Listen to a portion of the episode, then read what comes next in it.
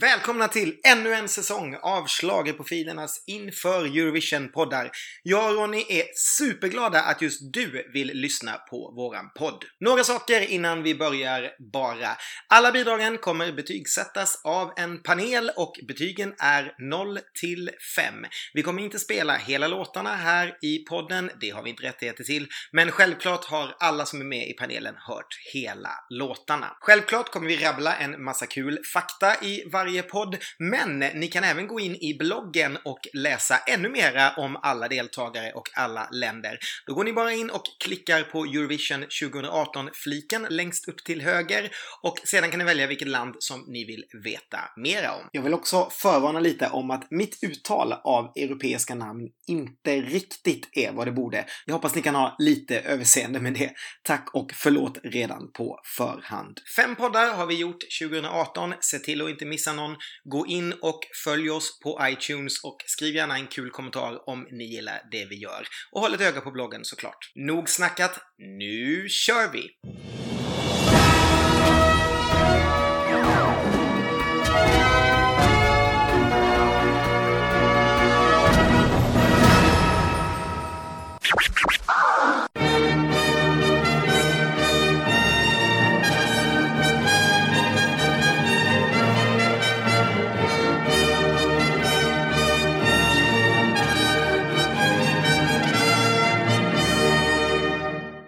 Hej allihopa och välkomna till den sista delen av Schlagerprofilernas inför Eurovision 2018 poddar. Eh, om ni hör den här först så har ni gjort helt fel. Det finns fyra stycken som går igenom semifinalerna. För idag ska vi lyssna på de sex bidrag som redan är i final, de från Big Five och från värdlandet Portugal.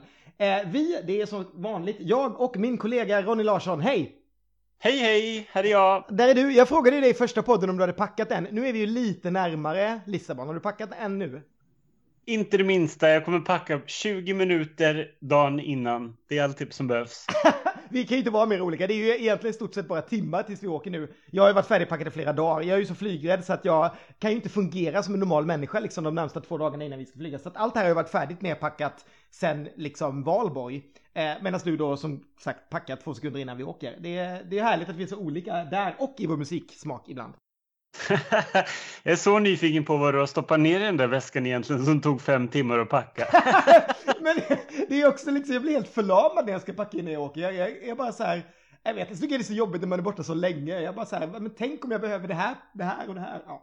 Skitsamma. Vi ska inte vara själva och tycka till i det här programmet heller, såklart. Utan eh, som vanligt har vi med oss en av våra kompisar. Och eh, kompisplatsen idag tas upp av någon som ni sett under mellonturnén innan. Han brukar dyka upp i diverse eh, slagestudio hos oss. Han hörs i en eh, annan podd som heter Slagerfesten under den perioden. Men om några timmar så åker han med oss till Lissabon för att rapportera för Mix Megapol. Eh, hos oss är han annars mest känd för att han varje år har ett jättestort Inför Eurovision-party som gick av stapeln bara för några veckor sedan. Och där kunde man bland annat hitta de svenska kommentatorerna i år. Eh, vad de tyckte om det, det tänker vi inte tala om. Men vi tänker tala om att han heter Anders Ringqvist. Hej, välkommen!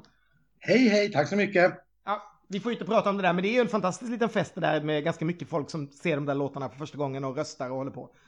Ja, och så får jag visa upp mina fantastiska Excel-kunskaper också. Sånt tycker jag ju alltid är roligt. Mm, det är lite så extra nörd, nördvarning på det. Eh, så vi ska inte tala om vem det var som vann i år. Det kan vi kanske vänta med till eh, efteråt ifall, ifall vi skulle hitta vinnaren här menar jag. Men... Ja, men jag, jag, är väldigt, väldigt stroppig över att kunna säga att Edward och Sanna has eaten my spaghetti. Ja, just det, verkligen. och det har ju ni också eftersom jag kokade spaghetti. Så det är inte mer än så. Inte mer än så. Nej, men du ska vara jätte, jätte välkommen du också. Eh, men vi ska också såklart eh, ta in vår nästa gäst och eh, för att göra det så måste vi lite snabbt bara tänka tillbaka på 2011 för det är ju ett ganska speciellt år för schlagerprofilerna. Eh, vi hittade Hanna Fahl till exempel. Vi fick vara med i juryn, eller jag i alla fall, för första gången och välja ut låtarna. Och det var faktiskt första gången som jag och Ronny åkte en hel vecka på Eurovision ihop och hade ett fantastiskt äventyr i Düsseldorf. Men framförallt var det här året då när Sverige äntligen lämnade liksom år av förnedring i Eurovision för att få sin bästa placering eh, dittills på hela 2000-talet. Och det var en ensam kille med en stor glasbur som svängde hela det här Eurovision-skeppet för Sverige och eh, inledde det här decenniet av enorma framgångar som vi har haft.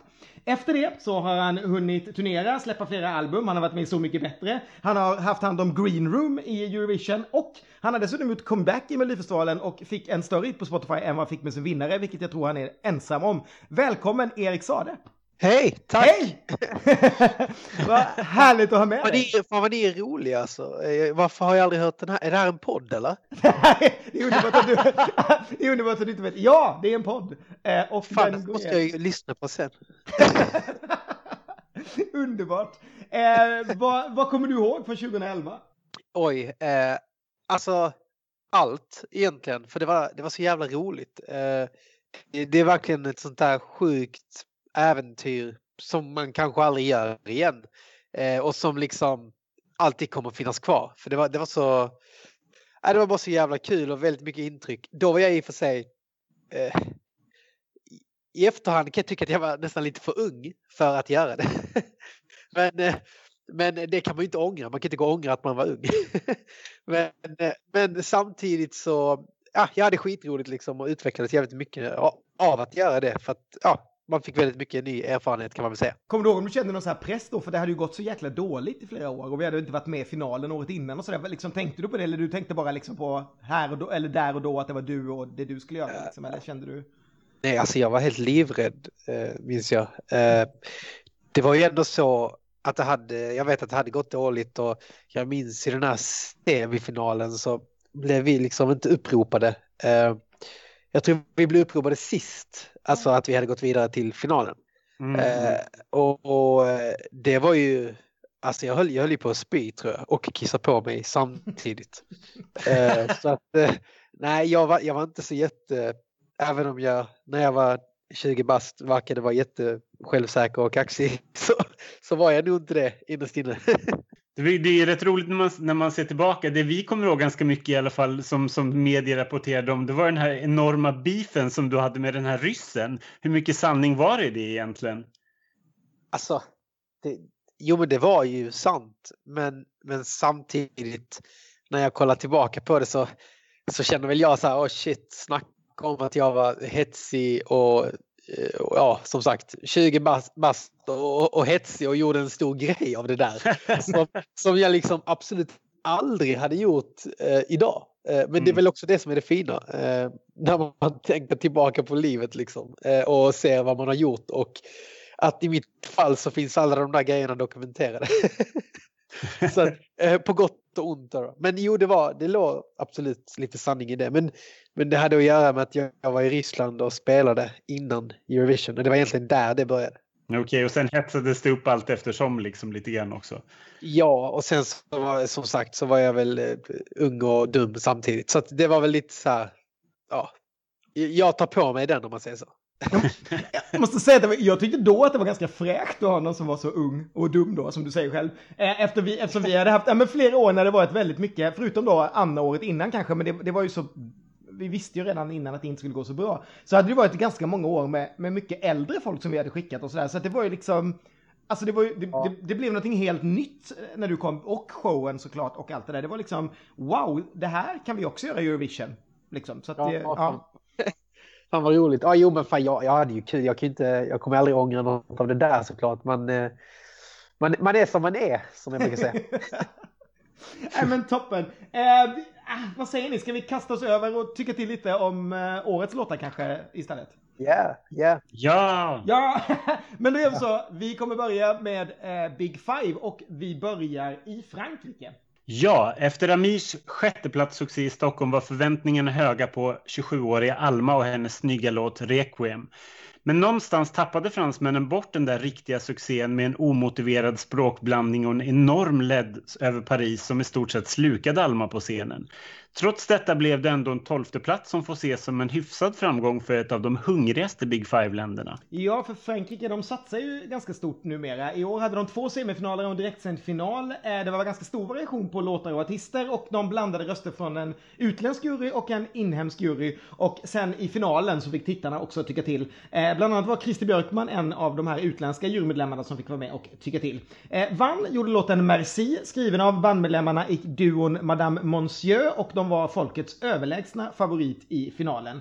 Eh, Madame Monsieur består av sångerskan Emily och producenten Sean Carl. De möttes 2008 och var först två medlemmar i ett större projekt som verkade i en folkmusik, eh, ett folkmusikprojekt Eh, och sjöng på engelska. Men fem år senare bröt de sig loss, startade sin egen duo och de sjunger då enligt dem själva musik som hittar ljus i verklighetens mörker. Eh, låten Merci den handlar om båtflyktingar i Medelhavet och den kom till när bandet en dag fick en Twitterflash om en flicka som hette just Merci som hade fötts i ett gummibåt på havet. Eh, bidraget är deras första singel som band och den låter så här.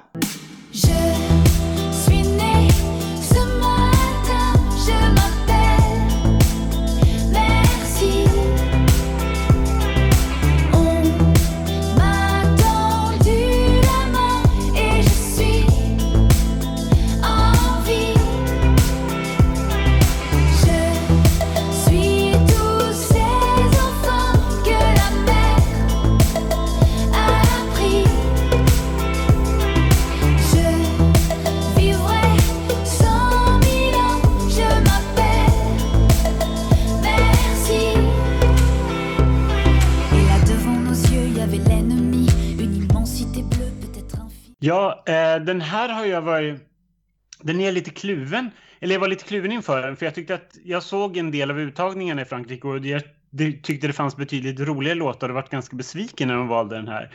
Och sen jag fattade jag aldrig hur den kunde ligga så högt i liksom så här förhandstipsen och, när, och i oddslisttabellerna när folk pratade om den. Och jag tyckte att det var ganska tråkigt. Men sen har den vuxit. Jag har lyssnat på den ganska mycket och jag tycker att den är, den är fin och den lunkar på. Jag förstår fortfarande inte riktigt hur den kan ses som en segerkandidat.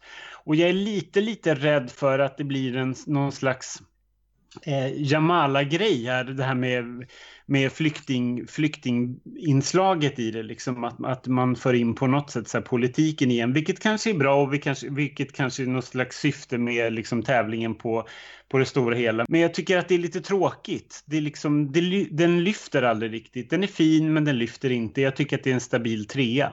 Ja, jag har lite grann samma eh, som, som Ronny faktiskt. Att jag såg också eh, deras uttagningar och tyckte att det fanns väldigt mycket bättre låtar. Och jag förstod liksom inte alls vad, vad grejen var med den här. För den vann ju ganska tydligt om jag minns rätt. Eh, och sen konstigt nog då när jag var i Amsterdam på den här stora inför-konserten som de har i april varje år eh, så var sångerskan sjuk och då fick brittiska Suri hoppa, i, hoppa in istället och eh, sjöng den då på engelska. Och då blev det något helt annat för mig. Då, då kunde jag ta till mig både vad de sjöng om och hur de eh, sjöng och liksom stod nästan och liksom gungade med lite grann. Så att sen dess har jag ett betydligt mycket ljusare bild av den här låten och tycker mycket mer om den. Samtidigt så får jag då inte bortse ifrån att mitt första intryck var ju att jag tyckte att det var ganska släpigt och trist. Så, men jag är nog faktiskt helt enig med Ronny och säger att nej, det, det är en stabil trea. Jag kan, jag kan inte heller se det som en slutvinnare, men jag kan mycket väl tänka mig att juryn kommer att ösa poäng över det här. Eh, men jag tror kanske att tittarna kommer att vara lite mer kallsinniga när de hör det här för första gången bland 25 andra låtar. Eh, alltså jag tycker ju att ni sa mycket av det som jag tänkte. Eh, jag tycker väl att, alltså det är ju fint med budskap. Det är alltid, och speciellt det här budskapet kan jag tycka är bra. Väldigt bra i alla fall just nu så som världen ser ut. Liksom. Men låten är precis som ni säger så är den fin. Och det jag har lärt mig genom, genom min karriär än så länge är att när någon säger Åh vad fin låt. Då, då är inte det något jättebra liksom. Då är det okej. Okay. Ja fan, då får, då får vi göra om det här liksom. Eh, så, så egentligen är väl inte låten så jätte... Den är fin. Precis så. Och så stannar det där liksom. Eh, och så är den inte mycket mer. Och det är lite synd med tanke på att budskapet är jävligt bra. Eh, kan jag tycka. Så jag, jag ger väl den en tvåa. Eh, men jag, men jag tror också att en tvåa för mig är vad en trea är för er. För jag tycker den är fullt godkänd. Men, men, men jag tror att för mig blir det en tvåa. Att vara fullt godkänd.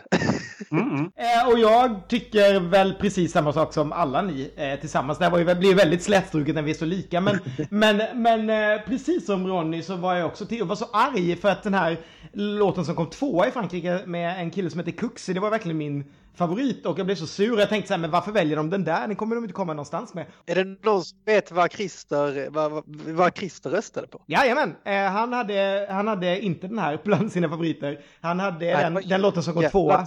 Ja, för han brukar alltid vara så jävla bra på det här liksom. Så jag blev lite chockad att denna vann jag hörde att han var med i den här omröstningen. Nej, nej men han, han, var, han var väldigt skeptisk till den här, eh, har jag för mig. Utan han hade två andra låtar före. Så möjligtvis att det här var hans tredje favorit, kanske. Okej, ja men då, det makes sense. Okej. Ja. ja, nej, men, men jag eh, håller med er helt överallt som sagt att jag tycker att den här var inte så bra från början. Nu har den växt när man har eh, sett den lite så här på de olika lives-klipp på YouTube. Jag tycker att de två är jävligt bra. Eh, Jag tycker budskapet är bra, precis som ni sa. Jag har verkligen ingenting att lägga till. Utan för mig är det också en väldigt stark trea. Och jag är också jätteförvånad att den här nu alltså på oddsen är tvåa till att vinna. Vilket är ju... Va? Ja, det är, eller visst är det så? Eller var det Norge som var tvåa nu senaste betygen? Ja, Norge hann precis, precis gå om och lägga sig jämsides skulle man väl kunna säga eh, på oddslistorna. Men det här för- förändras ju hela tiden så det här beror lite grann på när ni lyssnar på den här podden också. Men just nu när vi pratar så är Frankrike och Norge på någon sorts delad andra plats. Jag, jag skulle lägga till att jag- stör mig lite grann på att de alltid ser så extremt franska ut också på det dåliga sättet. Alltså de här svarta kroppstrumporna med polokrage liksom. Man saknar bara basken och så en baguette under armen. Nu, nu kommer de ju från Frankrike, men de ser så extremt strama och kalla ut. Och, ja, jag, det irriterar mig också lite.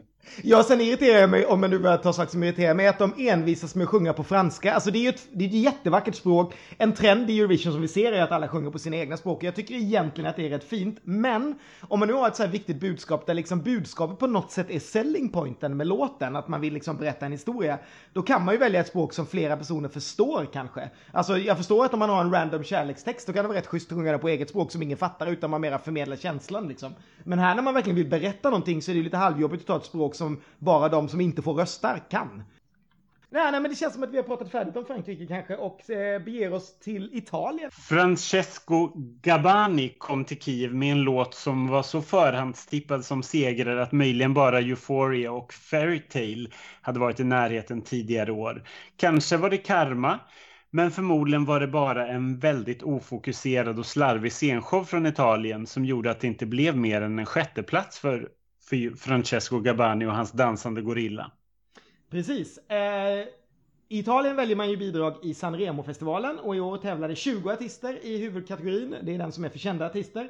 Eh, vann gjorde 42-åriga Fabrizio Moro och 36-åriga Ermal Meta med sin låt Non mitavete fatto niente som betyder jag har inte gjort någonting. Eh, den är inspirerad av bombningarna i Manchester Arena i maj där 22 personer dödades på en Ariana Grande-konsert. Eh, låten namndroppar även händelser som eh, den i Kairo där en skyttar attackerade en kyrka i december, den på Las Rambalas i Barcelona, den i Paris där konsert och barbesökare sköts till döds 2015 och de i Londons kollektivtrafik i juli 2005. Lyssnar man väldigt noga så hör man också hänvisningar till skyskrapor som faller. Fabrizio, han är en känd artist i hemlandet med över 20 singlar och 9 album släppta sedan debuten och han hade deltagit i Sanremo-festivalen fyra gånger innan han vann den i år. Han har även hunnit med att vara programledare i TV. Eh, hans duettpartner Ermal ligger inte långt efter han heller. Han är också en stor artist i Italien och eh, efter att både varit medlem i en grupp och jobbat som låtskrivare till andra stora artister i Italien så slog han sig på en solokarriär 2013. Förra året så kom han trea i sin fjärde Sanremo-festival men i år fick han alltså äntligen vinna. Här har vi Non mi avete fatto niente med Ermal och Fabrizio. Un abbraccio di madri senza figli, di figli senza padri, di volti illuminati come muri senza quadri, minuti di silenzio spezzati da una voce. Non mi avete fatto niente,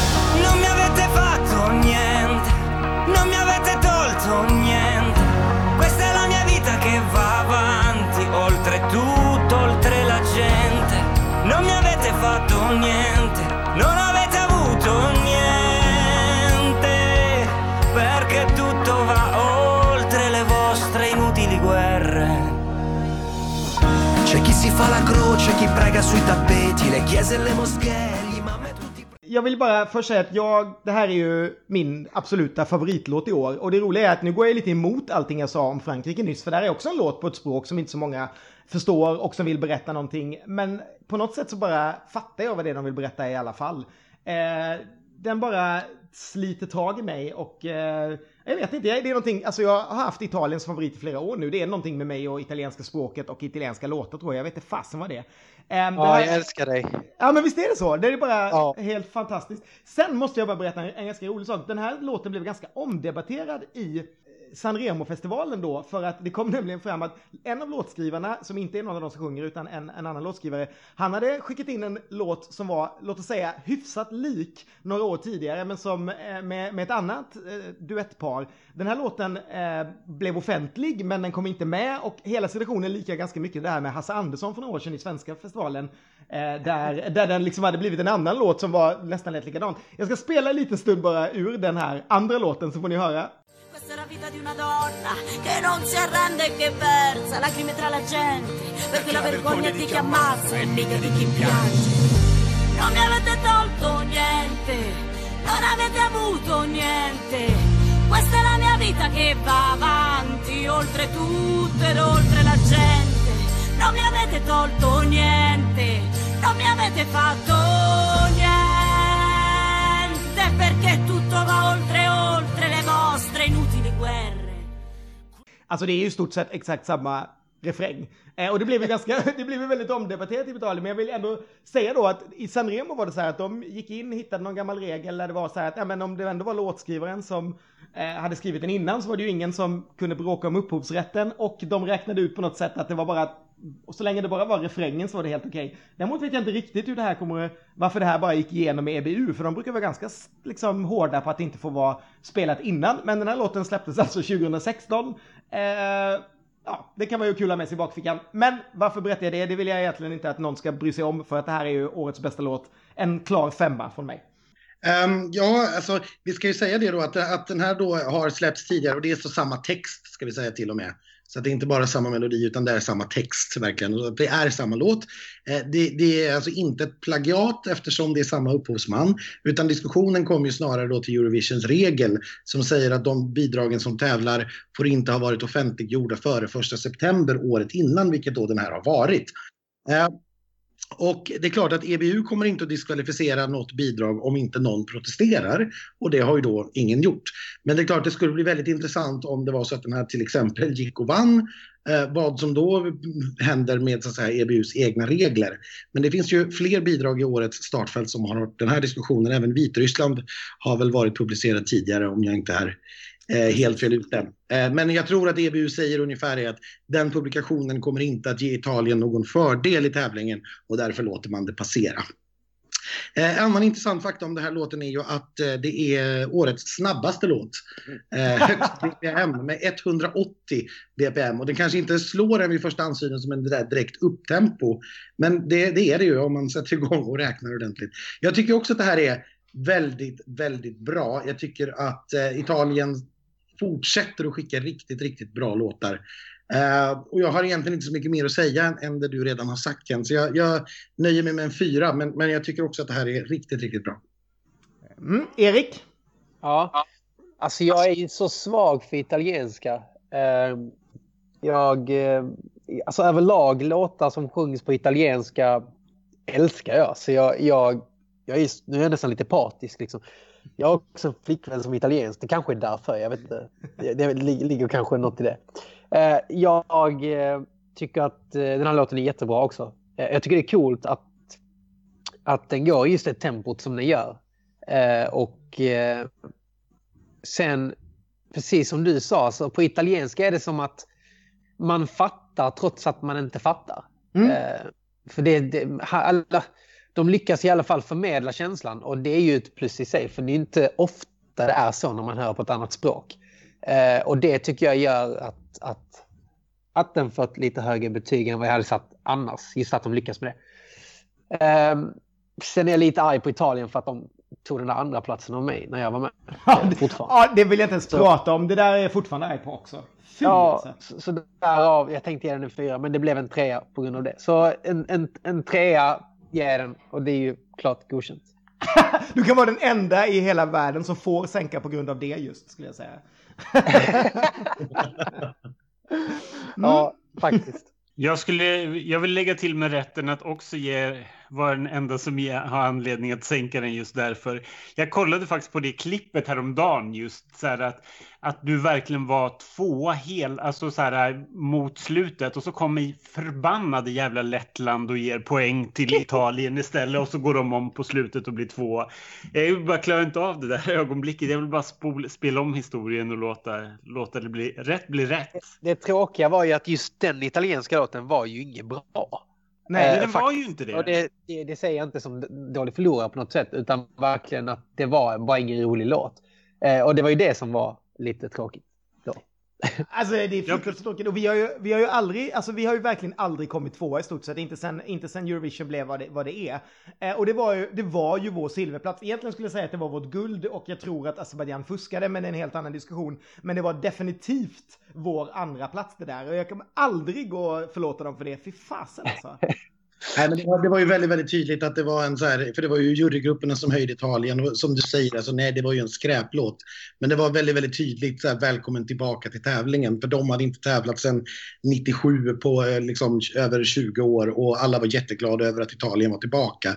Och så fick de en, en massa poäng från, från jurygrupperna som, som så här, välkommen tillbaka-present. Och det, ja, Jag kastar alltid det här i ansiktet på fansen när de börjar gnälla om bara för att Måns vann ju då på grund av juryn. Eh, folket hade ju en annan favorit och likadant kom ju Robin ganska högt förra året och det var ju också mera jury än vad det var folket och sådär.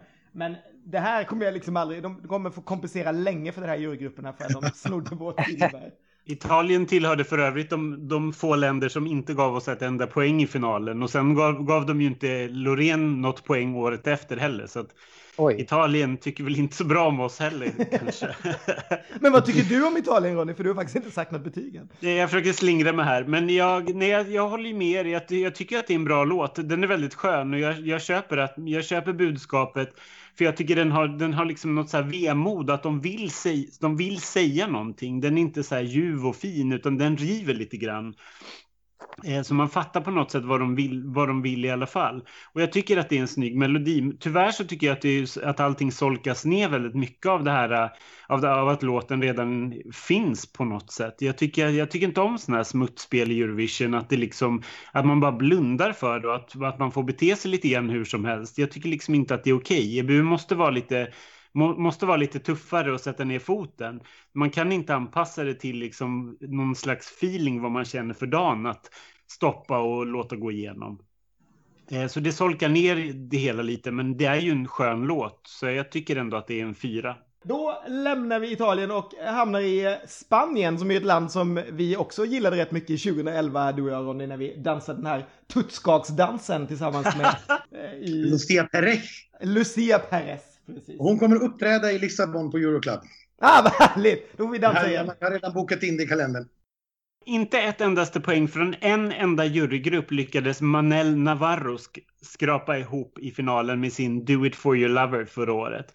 Då hjälpte det inte att folk framför tv-apparaten åtminstone tyckte Tyskland var sämre. Fem ynka poäng och den nummermässigt sämsta placeringen genom tiderna blev facit. Jo, man har kommit sist förut, senast 1999, men aldrig i en final med så många som 26 deltagare. Så kan vi alla nu enas om att Mirellas fantastiska tvåa Contigo hade gått bättre. ja, det kan vi enas om förra året. I år gick Spanien tillbaka till att använda formatet Operation Triumfo för att välja sin kandidat. Eh, till skillnad från tidigare gånger när man använt det här formatet så gjorde man inte så att man valde att skicka tävlingens vinnare. Eh, det här som är liksom en liten typ av Idol blandat med Big Brother. Eh, så gjorde man så här att när det var fem personer kvar då gjorde man den veckofinalen till eh, typ Melodifestivalen. Alltså det var själva uttagningen till Eurovision. Så alla de här fem eh, personerna som var kvar då, topp fem, de fick varsin låt att sjunga. För att utöka det med lite flera låtar så fick de även eh, varsin duett. De parades ihop två och två. Där tryckte man in då den här killen som hade åkt ut veckan innan. Så att det blev tre jämna par. Och sen för att krydda det lite extra så gjorde man också en liten supergrupp av dem där alla fem sjöng i ett av bidragen. Eh, dock så var det en av duetterna som vann till slut. Den hette eh, Tu Canción. Jag kan inte spanska, men det betyder i alla fall din sång. Och den framfördes av deltagarna Alfred, 20 år, och Amaya, 19 år. Och trots då att den 90-åriga Amaya var den som slutligen gick och vann hela årets Operation Triumfo så höll hon faktiskt inte på att komma med i den här tävlingen från början. Juryn valde bort henne från finalisterna, men den här skolans lärare, det här påminner då alltså lite om Fame Factory också. Du vet att det är en skola där de här eh, artisterna ska utbildas under resans gång, bla bla bla. Ehm, den här skolläraren då, hon fick välja in ett wildcard och det blev 19-åriga Amaya.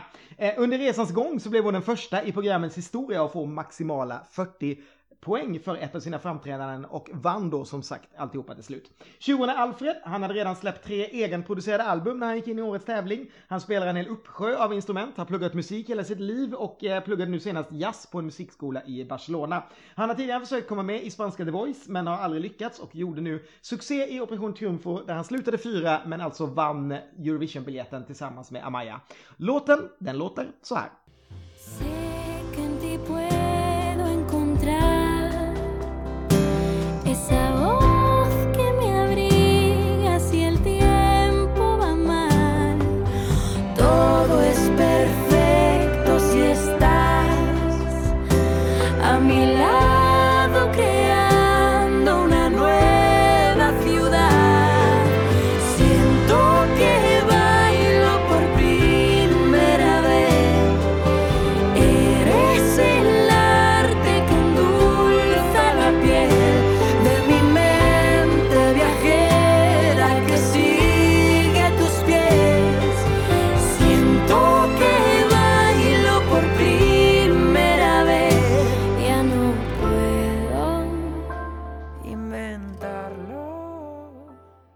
Alltså när jag, när jag såg det här framträdandet eh, första gången från Operation Triumfo när de eh, gjorde numret första gången så jag blev fullständigt golvad. Och det är inte så mycket av låten som utav de här två.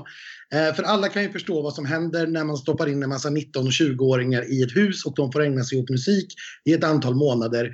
Eh, det kommer att uppstå eh, kärlek helt enkelt. Och de här två blev ju ett par eh, i det här huset och det märks i det här framträdandet. De är så ointresserade av allt annat som pågår på scenen eller i publiken eller kameror. De tittar på varandra och mikrofonerna är verkligen i vägen för de vill ju liksom bara gå loss på varandra. Och den kemin de fick fram där bara fullständigt drog mig in i den här låten. Så att där började jag liksom när jag skulle sen lyssna på studioinspelning och sådär. Och då inser jag väl att den här låten är ju kanske egentligen där vi var förut då. Att, ja, den är ju fin. Men jag har fortfarande kvar det där minnet av de två på scenen och om de får till det i Lissabon också så tror jag att det kommer att hända grejer här. För det är sånt som inte går att motstå som tv-tittare. Låtmässigt, ja det, det är väl en trea kanske för den är fin. Men om de får till det där, vilket jag är lite tveksam till för att när jag har sett dem nu på lite uppträdanden runt om i Europa fram tills eh, Lissabon så har de inte alls haft den kemin längre utan då har de känts liksom, ja, kanske inte trötta på varandra men det vi vill ha är ju den här riktigt, riktigt förälskelsen som de visar upp i Spanien. Så att, ja, jag vet inte. Om de får till det, då är det en klockren femma. Men jag ger väl en, en fyra då som någon sorts kompromiss med option på en tre eller femma, helt beroende på hur de ser ut live. Ja, jag tycker den här låten är bra. Eller så jag tycker att refrängen är bra liksom. Jag tycker det finns, så här, den är ganska tydlig. Eh, och med det som du berättar nu så blir det lite så här. Jag hade tänkt ge den en, en trea. Men nu vet jag, men det är för att jag tycker att låten är bra bara. Men om det är så som du, du sa så, så blir det ännu mer kanske. Jag borde kanske ge den en fyra för att jag tycker att får de till det, precis som du säger, då, då kan ju det här bli jätte, jätte, jättebra.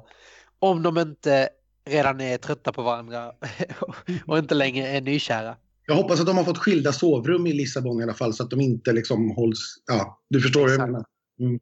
Nej men alltså grejen att kåthet är väldigt bra när man gör musik. Så att eh, om, de, om de har skilda sovrum några nätter innan så kanske de går upp på scen och är supertaggade på varandra och eh, då, då, då händer det ju grejer. Så att eh, jag håller med dig. Eh, de kanske ska ha skilda sovrum egentligen fram tills, eh, fram tills att det är show. Eh, men jag tycker att jag tycker att låten är bra. Jag tycker liksom att den är fin. Men den, till skillnad från till skillnad från den franska låten så tycker jag att det här är en väldigt, väldigt bra refräng. Alltså melodierna är väldigt, väldigt fina och snygga och nästan lite så här souliga i refrängen. Liksom. Så att eh, den får en fyra.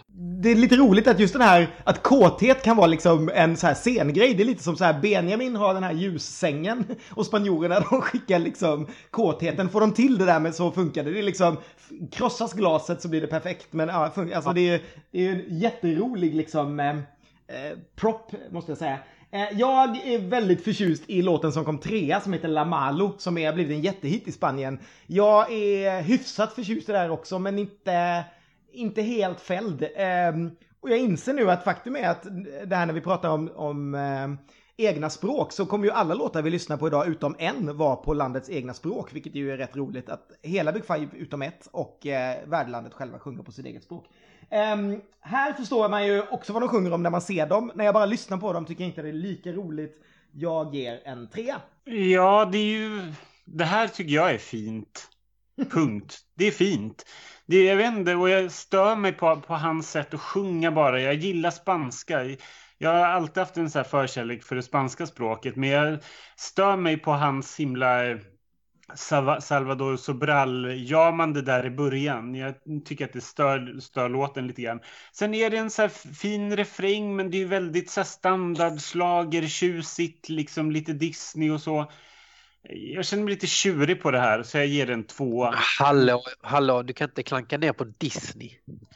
Jo, men det är så här tråk-Disney. Det är som, det är inte kul, det är inte medryckande, det är inte jag vill vara som du med Baloo. Jag älskar fan Disney alltså.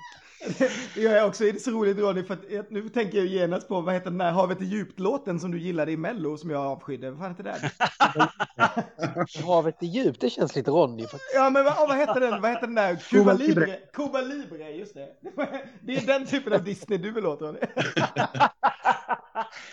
Nej, men det finns fina Disney-ballader också. Jag tycker bara att det här är lite väl mycket sirap liksom. Ja, Underbart. Vi eh, lämnar Spanien och åker till Storbritannien. Ja, det fanns ju rätt höga förväntningar på den 26-åriga X-Factor-stjärnan Lucy Jones i Kiev. Men de 111 poängen räckte bara till en 15 plats, vilket i och för sig var landets bästa placering sedan Blue i Düsseldorf 2011. Men landet befinner sig ändå långt från sitt forna Eurovision stora jag och frågan är om en stundande storm kan återupprätta heden. Oj, oj, oj. Det, var ju vitsigt.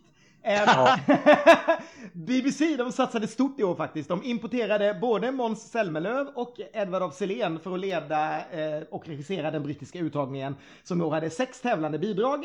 Eh, en kombination av rösterna från en åttamanjury och från telefonröster avgjorde resultatet där inga placeringar utom vinnaren redovisades. Eh, vår favorit var ju 17-åriga Asandra med låten Legends, den kan ni kolla upp om ni vill, men vann gjorde 29-åriga Suri med låten Storm.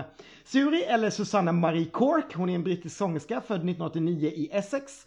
Hon har tagit examen från Royal Academy, Academy of Music och jobbar numera som eh, teater och musiklärare. Hon har redan hunnit skaffa sig lite Eurovision-vana för både 2015 och 2017 så körade hon bakom de belgiska artisterna Loic Nott och Blanche. Men nu får hon sjunga helt själv. Här är Suri med Storm.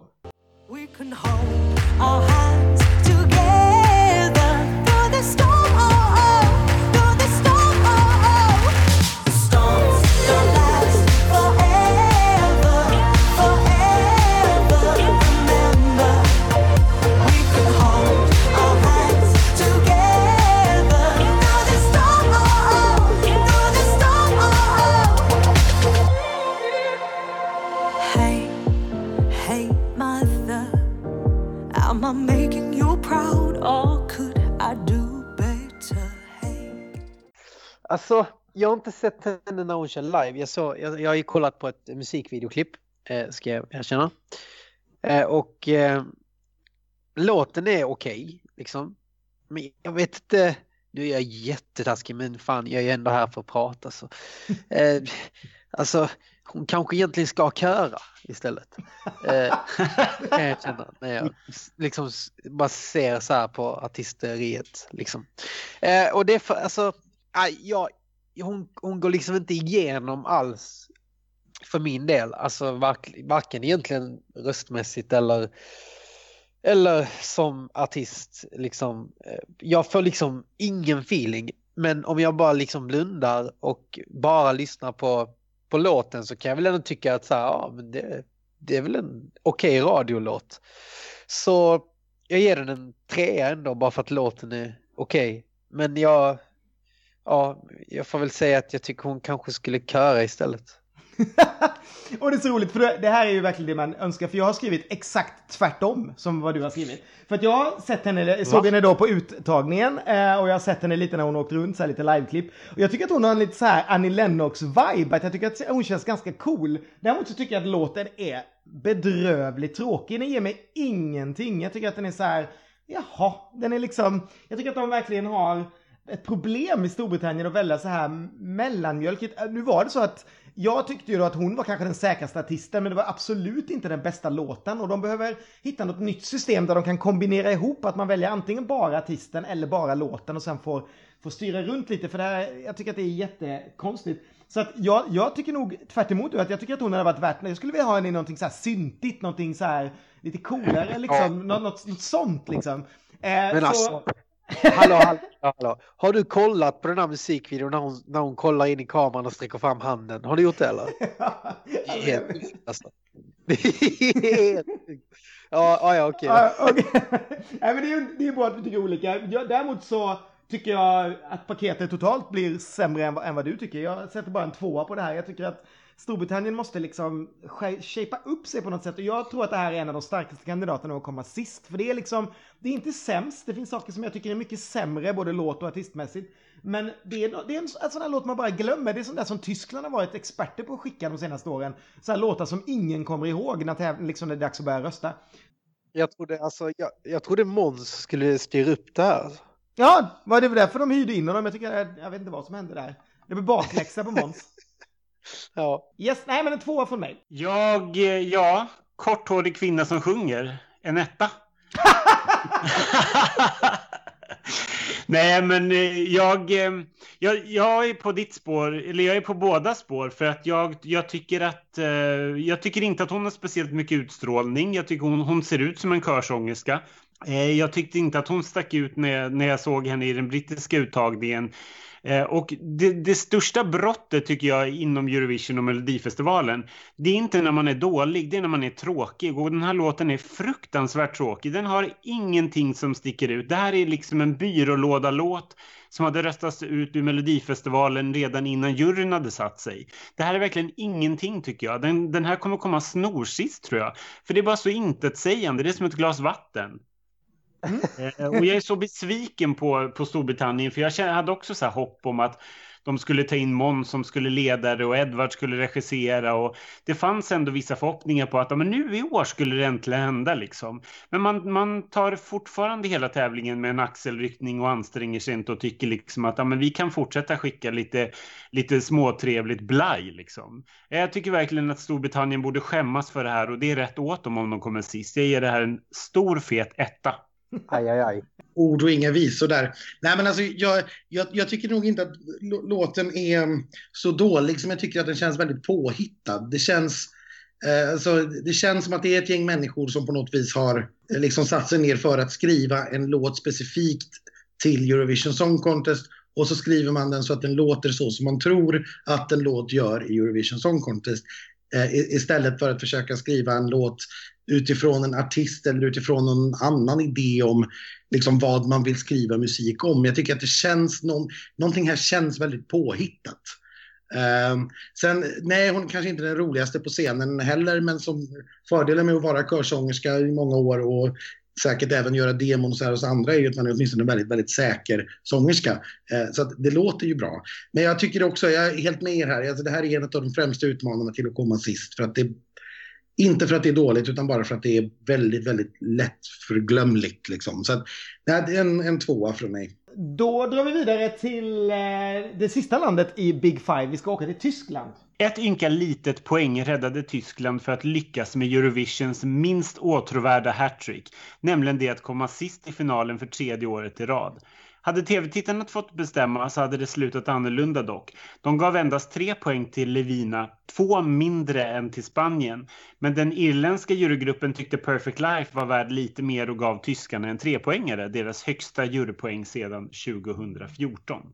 Mm, man får inte ha stora krav när man kommer från Tyskland. Eh, I år kallades finalen “Unser Elit für Lissabon och i år valde man fram vinnaren med hjälp av telefonröster av en internationell 19-mannajury där vi bland annat hade med svenskar som Filip Adamo, René Mirro, Henrik Jonsson och några fler. Eh, och så en så kallad Eurovision-panel som bestod av 100 personer runt om i Europa som man hade hittat på sociala medier. Eh, över 4000 bidrag gallrades ner till, till 211. Sen plockade Eurovision-panelen fram 17 kandidater från de här 211. Sen tog den internationella juryn över och plockade fram sex akter av de här eh, 17 och så skickade de iväg de här sex akterna på ett songwriting camp för att skriva nya låtar. De sex akterna kom sen tillbaka och tävlade i finalen med sina nya låtar och där vägde Eurovision-panelen, den internationella juryn och tv-tittarnas röster lika mycket. Alla tre i de här grupperna var dock helt överens och delade samstämmigt ut sina respektive tolvor till 27-åriga Michael Schulte och hans You Let Me Walk Alone. Michael Schulte, han är en tysk singer-songwriter. Han började sin sångkarriär 2008 med att lägga ut covers på sin YouTube-kanal och placerade sig senare på plats tre i första säsongen av tyska The Voice. Låtarna ska tävla med i Portugal heter You Let Me Walk Alone och är skriven av honom själv tillsammans med Thomas Stengård och det är ju en av låtskrivarna som bland annat har skrivit Danmarks vinnarbidrag 2013.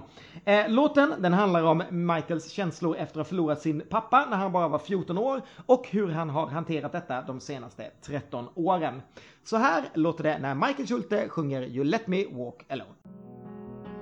Every now and then I'm drawn to places where I hear your voice or see your face, and every little thought will lead me right back to you. I was born from one love of two hearts. We were three kids and a loving mom. You made this place a home, a shelter from the storm. You said I had a one life and a true heart. I tried my best and I came so far, but you will never know. Cause you let me walk this road alone. Jag tycker verkligen att det här är jättebra. Jag tycker att den här låten är superfin. Texten berör mig jättemycket. Jag brukar inte lyssna på text så mycket. Eh, men jag tycker att det här är så, jag tycker att det här är så snyggt. Jag tycker dessutom att det är lite fräscht, att man får lite Ed Sheeran-vibbar. Eh, och jag tycker, då tycker jag, att det, jag tycker att det alltid är kul när man sneglar på musik som är stor nu liksom. Och eh, Tyskland har ju som sagt skickat så mycket dynga de senaste åren. De var ju de var ett av mina favoritländer när jag var liten som man alltid satt och väntade på för de skickade alltid kul låtar liksom. Eller bra låtar eller vad det än var liksom. Men jag, den här låten tycker jag är så snygg och varje gång den kommer på i min spellista av årets Eurovision-låtar så tänker jag fan vad är det här för någonting som är så bra? Och så är det Tyskland. Ehm, Tyvärr så, det, enda, det negativa är ju liksom att man får bara höra låten en gång eh, med de här Big Five-låtarna. Och tyvärr så har ju den här killen ett utseende som bara en mor kan älska. Men... eh, Precis som Ed Sheeran. ja, men med det sagt så, så hoppas jag att, och tror faktiskt att det kan gå ändå hyfsat bra för, för Tyskland.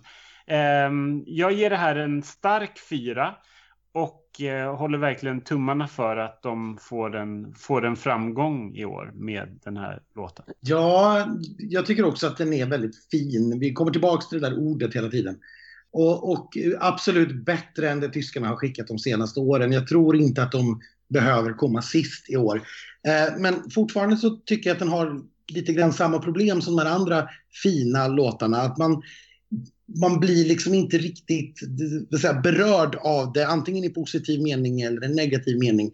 Alltså, jag vill ge den här en trea, därför att jag tycker att den är bättre än den engelska låten. Men tvåor och treor är fortfarande sådana som jag inte riktigt så här, har blivit berörd utav. Jag, alltså nollor och ettor har jag blivit arg på och fyror och femmor har jag ju verkligen tyckt om. De här hamnar ju någonstans mitt emellan. Så att jag, jag tror kanske inte att det blir en jätteframskjuten placering för Tyskland i år heller. Men det är absolut ett, ett, ett jättefint steg framåt. Jag, jag gillar det här greppet att han sjunger eh, one, two, three i refrängen. Eh, och fyller ut med text däremellan. Det är så här väldigt Ed Sheeranskt att göra på det sättet. Det, det uppskattar jag. Men jag, jag tycker också att den är jättefin, har ett jättefint tema, jättefin text och schysst melodi. Men jag vet inte, jag skulle inte rösta på den bland 26 bidrag. Det skulle jag nog inte. Bland 26 bidrag vet jag inte, men alltså bland dessa vi har lyssnat på så skulle jag absolut rösta på den här. Jag tycker det här påminner lite snarare mer om så här Lucas Graham än, än Ed Sheeran. Eh, och eh, jag älskar Lucas, Lucas Graham så att jag tycker det är skitpositivt egentligen. Och jag tycker att jag tycker det är en svinbra låt som eh, helt, helt klart den bästa av dem vi har lyssnat på nu. Eh, och sen, jag har ju sett han i den här musikvideon men jag tycker liksom han, han ser skön ut. och, och sen ja, texten super, super nice. Jag tycker det är modernt. Av de vi har hört så är väl denna mest modern och en låt som jag lätt hade kunnat ta i min Spotify-lista. Eh, och som jag kommer att spara i min Spotify-lista av dessa. Så att eh, den får en femma av mig. Yay! Yeah. Gud vad kul, jag blir helt jätteglad. Alltså det här är också en av mina absoluta favoriter i år. Och den, det är ju ingen som pratar om den här låten. Det är alltså, och då är det ju, ska vi säga, det är ju nästan bara fans som har hört det här hittills. Men den ligger ju väldigt långt ner på alla oddslistor. Den, eh, alltså det, det finns inget bass kring den överhuvudtaget. Utan jag vet inte om det är för att det har gått som sagt ganska dåligt för Tyskland, men det är ju folk som tippar att den ska komma sist och allt det där. Och jag förstår inte det, för jag håller ju med både Erik och Ronny och visst eh, Anders också lite här att det är det här, alltså jag tycker att det här, det berör mig jättemycket. Jag tycker att det är modernt. Eh, det är ju precis så här som all musik som ligger på listorna låter, eller mycket av den musik som ligger på listorna låter. Jag blir otroligt berörd av texten också och den är ju på engelska så att det är ett språk som många förstår, eller i alla fall flera som förstår franska och spanska och italienska.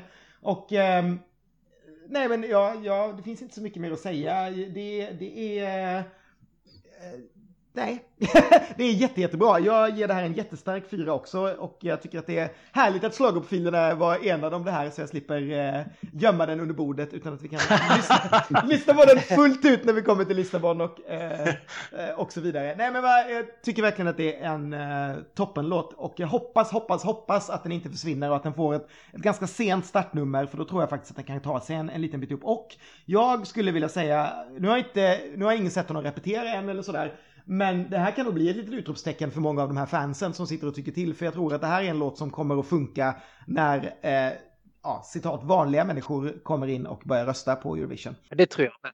Mm, heja Tyskland och en fyra från mig också.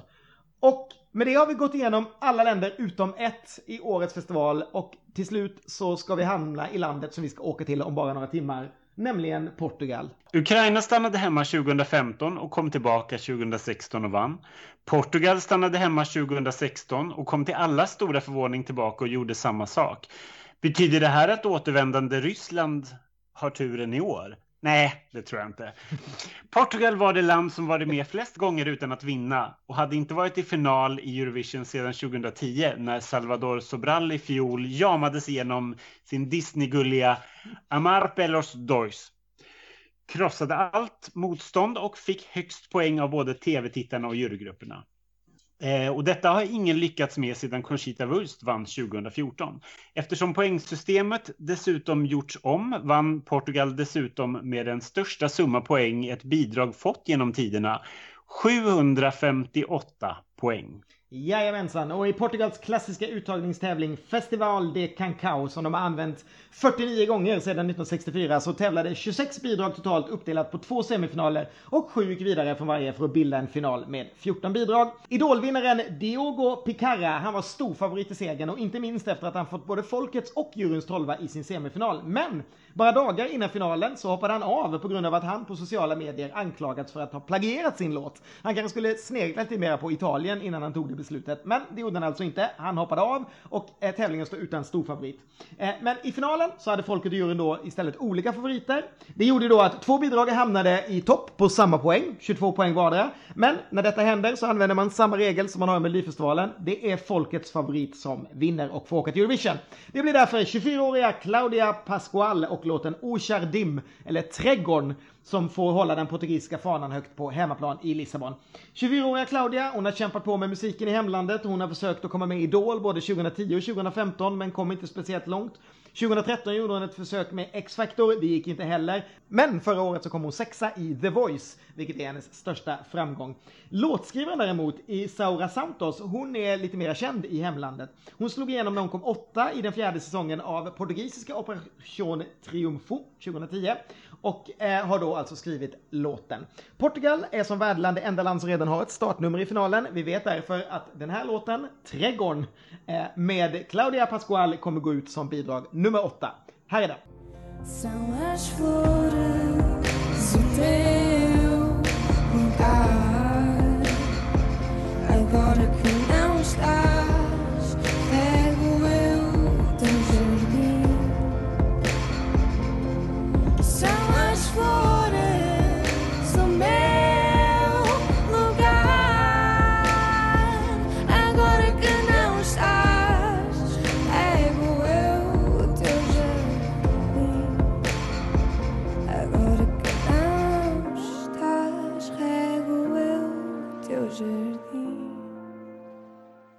Ja, jag är lite glad att jag får börja här ändå, för jag tror att... Eh, jag inbillar mig att min kollega inte har lika fina ord att säga om det här som jag har. Nej, men jag tycker nämligen, nu tar jag det igen, jag tycker att den är rätt fin ändå. Eh, jag, jag tyckte att den var oerhört anonym och tråkig från början, men sen är det någonting när den har så här dykt upp i listorna att jag inte...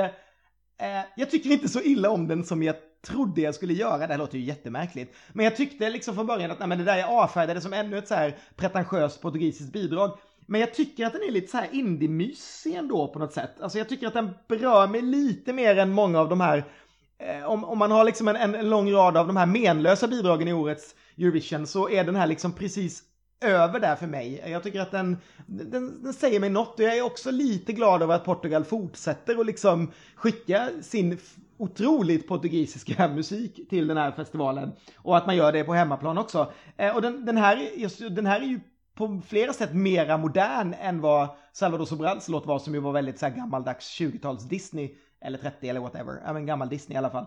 Eh, så låter ju den här lite mera som nu fast på portugisiska. Men det är ju en låt som man bara hittar i den här tävlingen såklart. Och det blir ju inte mer än en stabil trea. Men jag vill ändå, jag vill ändå ge den en trea tycker jag. Ja, eh, eh, alltså det här är ju så tråkigt så att jag får ju tvinga mig att ta mig igenom tre minuter för att jag tycker verkligen bara det här är jättetråkigt. Jag förstår inte vad de sjunger om och jag är inte särskilt nyfiken egentligen på vad det handlar om heller utan det här är bara liksom segt och släpigt för mig. Vi hade tidigare tävlingens snabbaste bidrag. Det här är den näst långsammaste. Den går i 60 bpm. Jag, jag, jag, jag vet inte. Jag har ingenting att säga mer än att jag tycker det här är skittråkigt. Och det är jättetråkigt att Portugal fortfarande liksom inte har hittat någon sorts vinnande formel utan liksom verkligen är tillbaka där de brukar vara med där jättetypisk portugisisk musik som den portugisiska publiken säkert tycker är jättebra eftersom de går och vinner. Men, men för mig så, så blir det ingenting av det här. Men det finns ju för all del värre bidrag i årets startfält så att den får en etta av mig. Ja, jag instämmer nog med senaste för att alltså okej, det, finns, det finns en sak som jag tycker är bra och det är liksom, jag tycker trummorna är krispiga och fina och snygga som fan när de kommer in. Men det räcker liksom inte för att göra en låt att trummorna är bra. Så att det, mer än så är det inte. Och den stora jävla frågan är vem är människan som, som, liksom, som vänder sig om och sitter med ryggen mot, sen vänder sig om och sjunger två rader och sen vänder sig om igen. Det är låtskrivaren kan jag berätta. Isaura. Okej. Japp. Mm. F- Okej, så okej, då fattar jag syftet med att, att hon var där för hon var känd. Eh, Ja, Men precis. det är lite så det känns eh, faktiskt. Så att, eh, jag, jag fattar inte det där alls. Jag, för mig är det här också en, en etta. Ja, nej, jag håller med de två se- senaste talarna. Jag tycker det här är så tråkigt. Jag tycker bara att det är så, det, jag är så lättad på något sätt i år att eh, Salvador Sobrals låt inte liksom gav ett ringar på vattnet på något sätt och att alla länder kom tillbaka med den typen av låt. Det, det, däremot är det ju skrattretande att, att värdlandet själva tycker nu har vi hittat formen, vi skickar en till sån här tråkig låt. Um, nej, jag kan inte se någonting kul med det här alls. Det är så sömnigt, trött, tråkigt. Det har ingenting tycker jag verkligen. Jag, jag, ja, jag ger det här en, en, etta för att det finns, det finns ju i alla fall ett budskap. Men den här trädgården får gärna växa igen för mig. Ja, men det här ser jag som den kanske främsta utmanaren till Storbritannien att ta sista platsen. Eh, det brukar ju alltid vara någon av de som är direktkvalificerade som, som kommer där i botten för att de andra som har tagit sig via semifinaler har ju åtminstone redan slagit ett antal låtar medan de här eh, har kommit in direkt. Jag, det här är möjligen så att juryn kommer att, att, att kasta en del poäng på det här men jag kan inte föreställa mig att det blir särskilt många poäng i tittaromröstningen. Nej, nej, jag tror också att det kan komma väldigt, väldigt dåligt. Jag tror att det här är en låt som man glömmer bort. Och eh, startnummer åtta är ju verkligen inte speciellt guld heller för en sån här låt. Den kommer liksom ligga inklämd mellan någonting. Det kommer komma mycket mera favoriter efteråt. Folk kommer inte komma ihåg den heller. Så att eh, det handlar nog om om Storbritannien får ett senare startnummer eller om det är den här. Jag, jag håller med dig, jag tror att det här är en jättekandidat. Men då är det så här att då har vi lyssnat på alla låtar idag. Då kan jag berätta att eh, idag så av de här sex låtarna vi lyssnat tyckte vi bäst om Tyskland som fick 16 poäng. Eh, tvåa kom Italien på 14, Spanien kom trea på 13 och därefter hade vi Frankrike, Storbritannien och Portugal. Eh, och eftersom det här är sista programmet så tänkte jag att jag också skulle tala om eh, vilka låtar vi har dratt vidare från de andra semifinalerna. Nu kanske inte det här, ja Anders vet jag har lyssnat innan, Erik kanske inte har en aning om vad det här är för låtar, men jag tänker ändå dra för de som har lyssnat på alla fyra poddarna innan, att eh, de låtar vi skulle haft i vår final då, förutom de här sex idag, var från semi 1, Finland, Österrike, Cypern, Bulgarien, Azerbajdzjan, Israel, Tjeckien, Makedonien, Albanien, till Hanna Fahls glädje, och Kroatien. Eh, Medan från semi 2 hade vi Australien, Sverige, Moldavien, Polen, Danmark, Ungern, Lettland, Ukraina, Malta och Montenegro faktiskt. Och då har det varit så att bland de sista kandidaterna när det har varit väldigt tajt där, då har jag gått på att de låtar som våra gäster har tyckt bättre om än schlagerprofilerna har haft företräde att ta sig vidare eftersom vi ändå ska sitta och tycka till eh, i Lissabon sen. Så att jag kan säga att Kroatien, Kroatien, Kroatien och Montenegro halkade med lite på att vi hade eh, till exempel eh, var det Nina och Jessica Andersson som gav tre år till Kroatien när vi gav två år och så vidare. Sådär. Så så har det gått till och ska vi titta på en slutvinnare då. Det här är lite vanskligt då eftersom vi har haft åtta olika gästtyckare. Men om man tittar på poängen så hade Australien och Finland 19 poäng vardera och Australien då var lite mer omtyckt bland gästtyckarna eftersom jag var den som satte en ensam fyra på den låten. Så eh, Australien kommer etta, Finland kommer tvåa och Österrike var vår trea. Eh, Österrike hade dock 17 poäng och Tyskland idag hade ju 16 så att tyskarna ligger jäkligt bra till om vi hade fått bestämma och få en ganska hög placering. Eh, alla de här siffrorna kommer jag så småningom, möjligtvis på planet ner till Lissabon, lägga upp i bloggen. Så ni som gillar att grotta er i siffror av någon anledning kan titta på det där. Annars tycker jag ni ska lyssna på poddarna istället så får ni höra det live. Men vart ligger Benjamin? Benjamin gav vi jättemycket höga poäng. Det är alltid lite så svårt när vi är bara svenskar, men faktum är att Krista Sigfrid som var med och tyckte i den podden, som ju är finsk, hon var den som gav den eh, högst poäng. Men eh, han kom tvåa i semi 2, så att vi hade honom väldigt högt upp. Och jag kan väl, vi kan väl avslöja Anders att den där festen du hade, hur många var vi på den eh, som var med och röstade? Vi var eh, 13 stycken som röstade. Och där vann ju Sverige, vilket inte alls brukar hända på vår, de där festerna. Även om det är ganska mycket svenskar där så brukar folk vara ganska ja, men sparsamma med poäng till Sverige. Eh, Men Ja. eh, han vann faktiskt. Där. Man, man, man ska vara partisk, det är bara bra. Ja. Vad tycker du om den svenska låten? Ja, jag tycker den är super. Alltså jag tycker att eh, men jag, ty jag tycker den är så jävla snyggt gjord. Andra versen när, när basen tar över. Alltså, jag har lyssnat på det så många gånger i studion nu eh, eh, och, och liksom eh, verkligen ja, men faktiskt tagit lite inspiration därifrån med det jag håller på med nu för tiden. Och eh, men jag tycker han har gjort en grym låt helt enkelt. Och sen framträdandet är ju hur, hur bra som helst. Eh, där finns det absolut inget att säga om. Så att han borde väl rimligtvis vara med och tävla om den där första platsen. Ja, vi hoppas ju det. I alla fall. Det är ganska roligt det du säger om andra versen för att den har han ju snott från sig själv från Good Lovin' som var förra årets Melodifestivalbidrag. Uh, så att Ja. det, ja, den är redan återanvänd där också. Så att Men Good Loving, Good Loving har inte jag hört. Då får du göra det för Ska du se om du hittar den i andra versen. Okej. Men vad, vad pysslar du med nu för tiden förresten? När, när kommer det ny musik? Vad, vad gör du? Eh, det tänker jag inte säga. det är klart inte dig. Jo då, men, eh, nej, men jag, jag sitter och skriver musik och eh, för fullt. Eh, när, när det kommer vet jag inte riktigt. Alltså jag är förkyld som ett as nu som säkert alla hör. Så att eh, när, när, när den har lagt sig så kanske jag kan eh, gå in i studion igen. Men, men eh, nej, jag sitter bara och skriver så vi får se. Jag kan inte lova någonting just nu. Men, eh, men det kommer musik, så mycket kan jag säga. Det låter lovande. Men, för, men jag, skulle ändå, jag vill hoppa tillbaka till, eh, till 2011 och, och både Melodifestivalen och Eurovision. Kände du att du hade vinnarlåten eh, när du var med i Melodifestivalen? Kände du att men, den här kommer vinna alltihopa? Eller hur, hur Eh. gick tankarna? Och tänker du på 2011 med Popular? Ja. Precis. Eh, ja, men alltså på, speciellt då i mitt, eh, i mitt huvud på den tiden fanns ju inget annat. Liksom. Eh, jag ville bara, så jag var ju redan i Düsseldorf när jag gick in i, i, i Linköping. Så att eh, det, det tyckte jag väl och eh, det var min enda inställning jag hade. Liksom. Så eh, absolut. Men det är ju den inställningen man, i alla fall jag vill att artister ska ha när de tävlar i Melodifestivalen. Jag vill att man tänker längre fram. Jag tycker det är jätteskönt. Det är så befriande att höra att man, att man liksom redan är där. Utan att, sen är det alltid svårt för svenskar ska alltid hålla tillbaka och man får inte vara för kaxig och för tuff och så. Men därför är det skönt att det ändå, att det ändå lyckades och att folk, folk köpte det, självsäkerheten liksom. Ja, alltså självsäkerhet. Jag tror mer det handlar om att... Eller det handlar mer om målmedvetenhet. Att man liksom... Ja, att man bestämmer sig i sitt eget huvud liksom. Det behöver inte innebära att man är jättesjälvsäker på någonting. Utan bara att man... För att ta sig någonstans så måste man vara målmedveten liksom. Mm. Eh, så att eh, det var, väl, det var väl mest så. Sen tyckte jag liksom att Popular, den, alltså det, det är verkligen en låt som bara är gjord för det sammanhanget.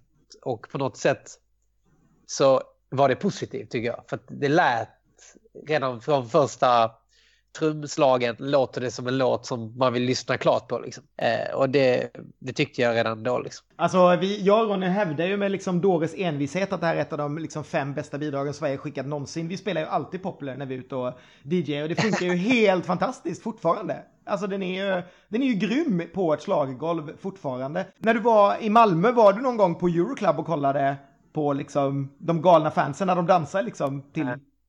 Nej. Men vänta. Jag kan väl ha varit på Euroclub när jag var med i Düsseldorf. Ja, ja, Eh, absolut. Då tror jag att jag sjöng, jag tror jag sjöng Popular. Ja, det. Eh, Men nej, jag var inte i Malmö. Det var jag inte, inte där. Eh, Det, det hann jag aldrig med.